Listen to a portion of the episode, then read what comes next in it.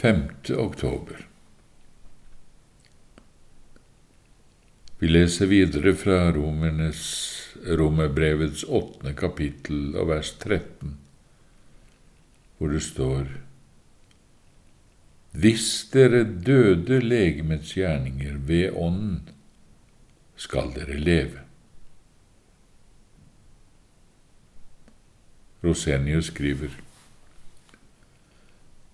her viser apostelen oss nå den rette kraften til å seire over kjødet, til trøst og veiledning for dem som kjenner sin egen svakhet og avmakt i striden.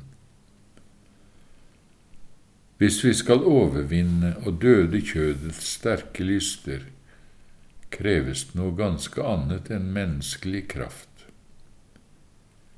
Når Luther taler om å døde kjødet ved ånd, sier han at vi, når fristelsen møter oss, skal huske på Guds ord og styrke oss mot fristelsene ved troen på syndenes forlatelse. Og om vi alle kunne huske dette når det blir mørkt og står ille til med oss. Vi erkjenner at vi mangler all kraft i striden. Vi kjenner bare hvordan kjødet herjer i oss så vi ofte faller og gjør det som er galt. Vi opplever det som om Gud var død og forsvunnet fra verden, og om vi da kunne huske på dette. For det er nå vi skal holde opp med vår egen strid, og straks vende oss i en annen retning, og bare høre om Guds store nåde i Jesus Kristus bare nå vende oss til evangeliet og alle nådens hjelpemidler for å gjenopprette troens fred, som vi nå holder på å miste. Nå skal vi vende oss bort fra alle tanker, både om vår egen kraft og om vår skrøpelighet, og bare vende oss til Gud med dette ene spørsmålet Gud, får jeg din nåde? Får jeg din forlatelse for alt? Og på dette spørsmålet må vi ha et konkret svar før vi kan få noen kraft. Men da gjelder at vi ikke søker dette svar i våre følelser, men bare i Guds eget ord. Og hvis du nå får den trøsten at Gud er din venn og far, så overlat da også til ham det å seire over fristelsene dine. Dette er hemmeligheten med den kraften som seirer. Så lenge du tror at du selv kan utrette noe, får du stadig bare falle. Så stor nidkjærhet har vår Far i himmelen for at Hans nåde skal forherliges at han heller lar et pent, rettskaffent liv bli knust, før han gir sin ære til noen annen skapning.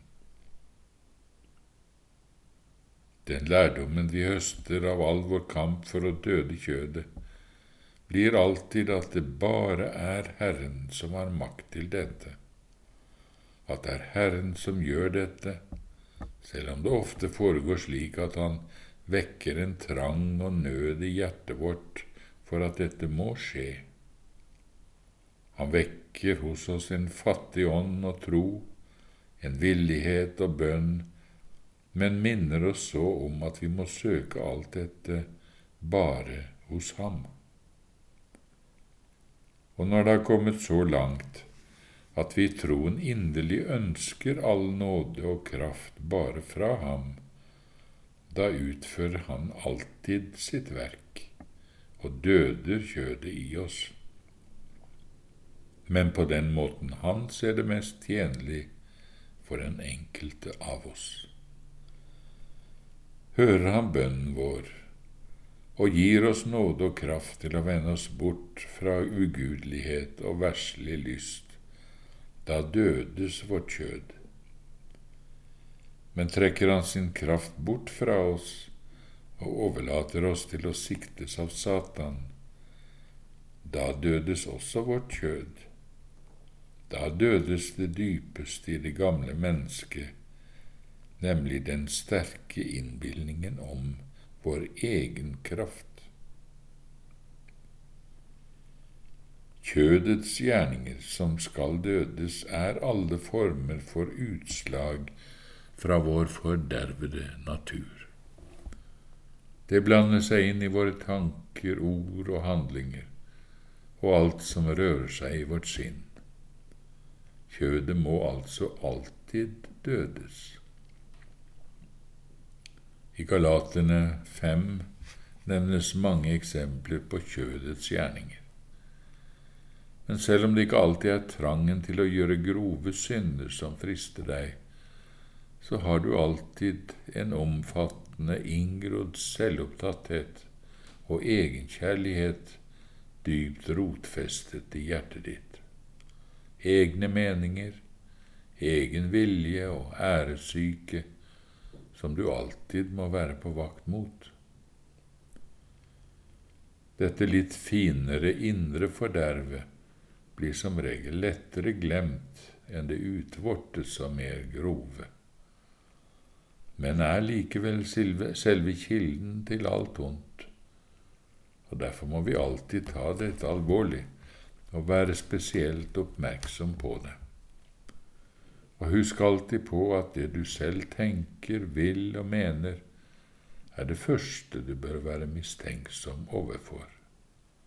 Du må prøve det på Guds ord og døde det med Åndens kraft. Du fristes kanskje til å bli irritert og utålmodig overfor andre mennesker. Det er om å gjøre at du husker på alt det Gud har forlatt hos deg, og at du da også må kunne tilgi din neste. Kanskje du fristes til å opphøye deg på grunn av din forstand, dine evner, lærdom, kunnskap og dyktighet Husk da på at Gud står de stolte imot, men de ydmyke gir han nåde. Kanskje du fristes til fråtseri og urent begjær. Da må du huske på at du er et hellig tempel for Gud, og at det ikke må bli urent. Men først og sist husk at du lever i Guds evige nåde og samfunn, og derfor bør leve slik at du ærer ham. Kanskje fristes du til gjerrighet og egen vinning i handel og arbeid.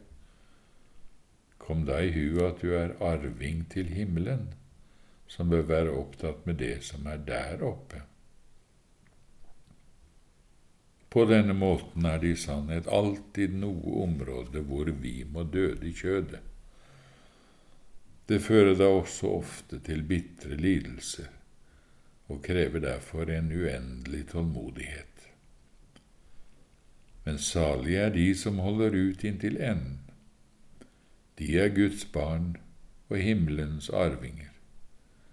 Om det ofte er bittert, så er det et herlig syn for Gud, engler og alle de hellige, når for eksempel et ungt menneske som verden og all dens lyst har betydd alt for, nå for Herrens skyld vender seg bort fra alt dette. Eller når et menneske som av natur har vært svært selvopptatt, nå strir mot seg selv og lar Guds og sine foresattes vilje gå foran sin egen. Når et menneske som har vært selvopptatt og hovmodig, gjennom åndens tukt er blitt enkel og fordringsløs. Å, for et herlig syn når den selvsikre og hissige begynner å tukte seg selv og blir forsiktig, ydmyk, saktmodig osv. Når menneskene på denne måten, for nådens skyld, går rett imot sin egen natur, kjemper mot seg selv, da ser vi virkelig hva det er å døde i kjødets gjerninger ved ånd. Og disse skal leve, sier apostelen. Disse skal innta himmelen. skal etter en kort tid i kamp med å døde kjødet få det evige liv hos Gud, sammen med Hans engler, alle de hellige, og i en uendelig salighet.